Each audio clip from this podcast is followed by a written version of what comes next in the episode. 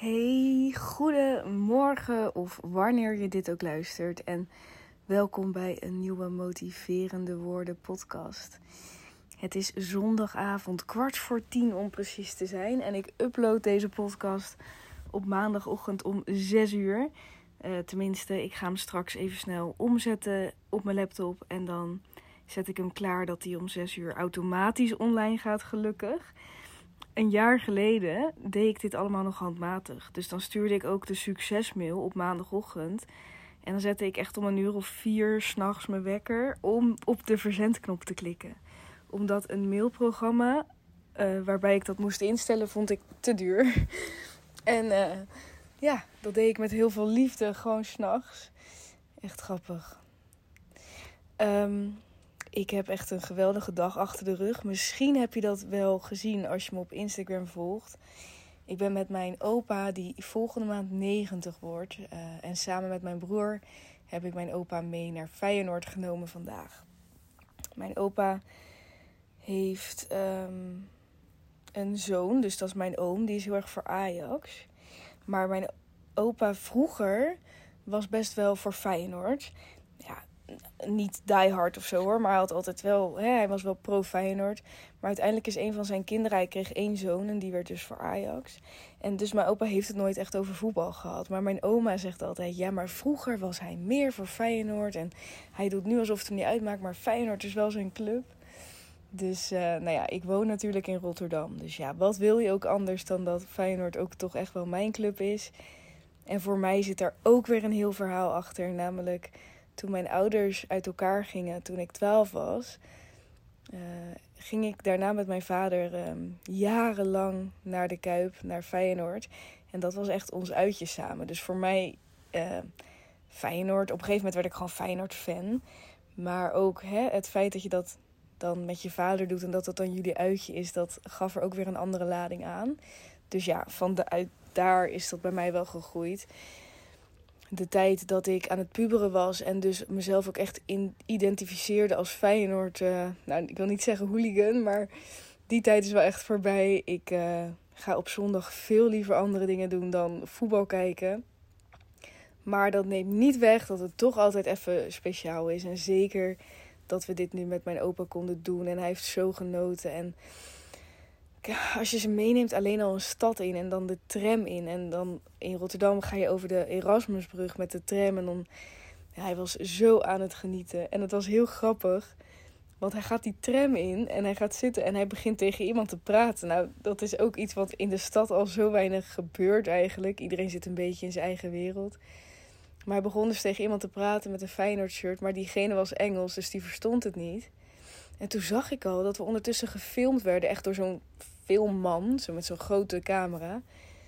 En ik dacht, wat vaag. Maar ik dacht, nou, wel grappig als ik mijn opa straks ergens op een afterfilmpje of zo voorbij zie komen. En toen later liep er iemand naar die Engelse man toe en die zei, uh, want het was, heb ik net gezegd dat diegene Engels sprak? Ik weet het al niet meer. Zo moe ben ik. diegene sprak dus Engels. Dus hij zei tegen mijn opa, I'm sorry, I speak English. En mijn opa ging gewoon in het Nederlands terugpraten. Die dacht, ja, het zal.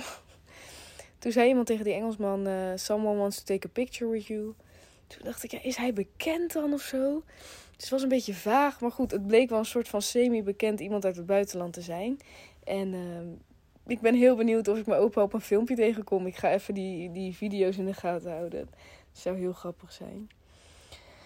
Um, wat ik vandaag met je wil delen, heeft eigenlijk wel een beetje hiermee te maken. En het heeft natuurlijk ook alles te maken met het feit dat morgen, als dit online komt vanavond, maandagavond om 8 uur, de deuren voor de Wonderweek openen.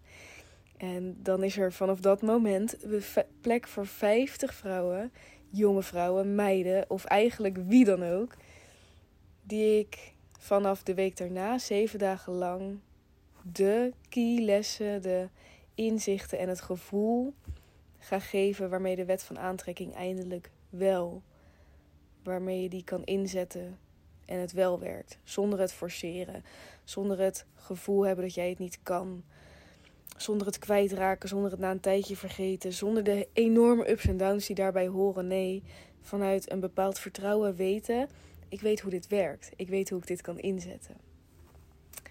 Um, voordat ik erin duik, luister. Ik heb zoveel berichtjes gehad um, vandaag van mensen naar aanleiding van de filmpjes van mijn opa. Van oh, wat is dit prachtig en wat mooi dat je dit nog kan doen met je opa. En, en dat is het. En aan iedereen die nog een opa en oma heeft, of een opa of een oma, of iemand dit soort dingen doen en uh, iemand dit geluk brengen. Wat, dingen die voor jou zelf misschien. Dingen die voor jou zelf misschien normaal lijken. Uh, of niet zo big deal. Die kunnen voor iemand anders heel bijzonder zijn. En als je iemand op deze manier zo'n fijne dag kan brengen. En vaak is dat bij oude mensen die zijn. Hè, als je ze meeneemt naar een stad of zo. Dat is voor mijn open oma dan al heel leuk.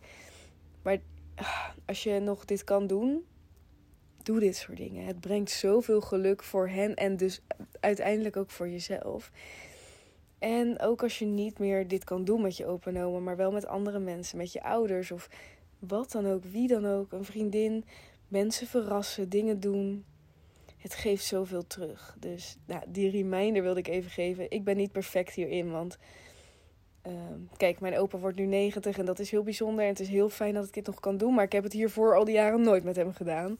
En nu dachten we, dit is, dit is een juist moment. Oh, wat leuk. hey, wat een goed idee, dat kunnen we doen. Ehm, dus ik ben hier ook niet perfect in. Hè? Het is ook een noot tegen mezelf van... Doe dit, doe dit soort dingen. Het maakt je zo gelukkig. En natuurlijk de andere mensen waar het om gaat. en uh, over dat gelukkig zijn gaat deze aflevering.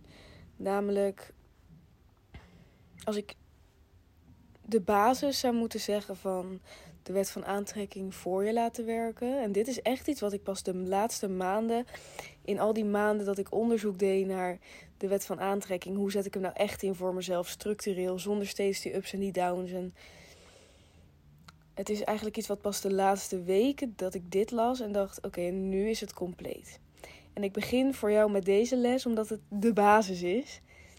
En van daaruit komen er nog dingen bij waarmee je het echt in gang zet. Maar deze basis is heel belangrijk. Als je al een beetje iets weet van de wet van aantrekking, dan weet je dat op het moment dat je iets wil manifesteren, dat je iets wil aantrekken, is het heel erg belangrijk dat je die energie zelf ook uitzendt. Daarom zeggen ze ook: wees als de persoon die jij wil zijn. Zodat je ook de dingen in je leven aantrekt die zij heeft. Dus op het moment dat jij nu zegt, ja, als ik straks, uh, als ik dat succes heb en als ik een goede baan heb en als het dan zomer is en ik heb rust, als die stress voorbij is en dat, dan ga ik wel dit en dit doen. En het werkt andersom. Ga dat en dat doen en die andere dingen komen op je pad. Het gaat om de energie die je uitzendt. En toen ik, en misschien herken jij dit ook, toen ik voor het eerst van de wet van aantrekking hoorde, gaf dat me echt een heel fijn gevoel. Ik dacht, wow, ik kan alles zelf creëren. Ik kan mijn eigen realiteit maken en dat betekent ook dat er heel veel dingen mogelijk zijn. En toen ik dat toen ik die lessen daar aan het allereerste begin daarover leerde, dacht ik: wow, wat magisch. Ik voelde me daardoor heel goed. De eerste dingen die ik daarna ging manifesteren, lukte ook. Uh, ik voelde echt helemaal hoe het werkt en ik voelde me goed. Na een aantal weken raakte ik dat goede gevoel kwijt. Was een beetje die eerste magie uitgewerkt. Dus je leert de wet van aantrekking kennen. Dan denk je: wow. En na een tijdje is die magie eruit. En kabbelt je leven voort en denk je er af en toe weer aan terug.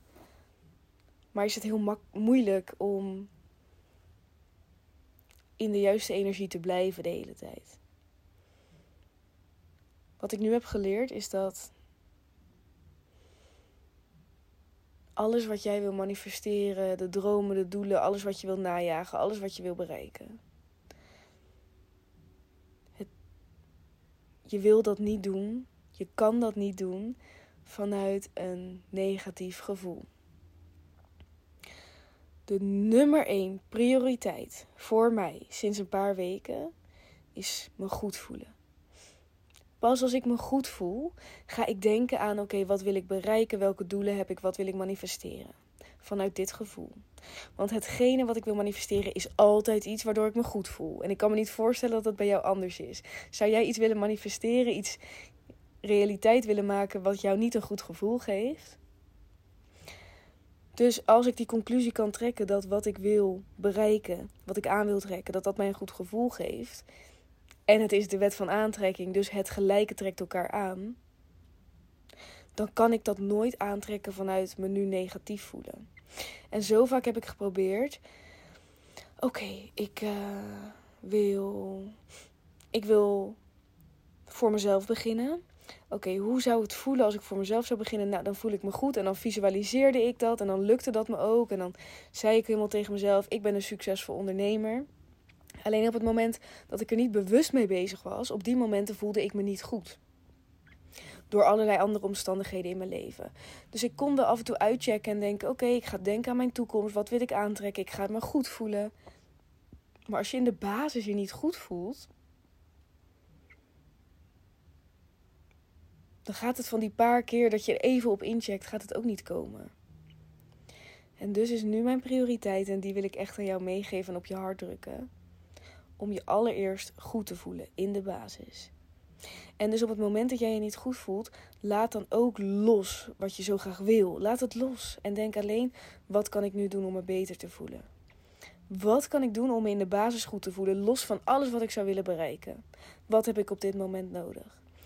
En pas als je dan weer merkt dat je structureel in die opwaartse spiraal zit, dat je lekker gaat, dan ga je erbij pakken wat je wil aantrekken. De verlangens die je hebt, de dromen die je hebt, de doelen die je hebt. Want als je in een goede energie zit, trek je zoveel makkelijker en sneller aan. Je goed voelen is de basis.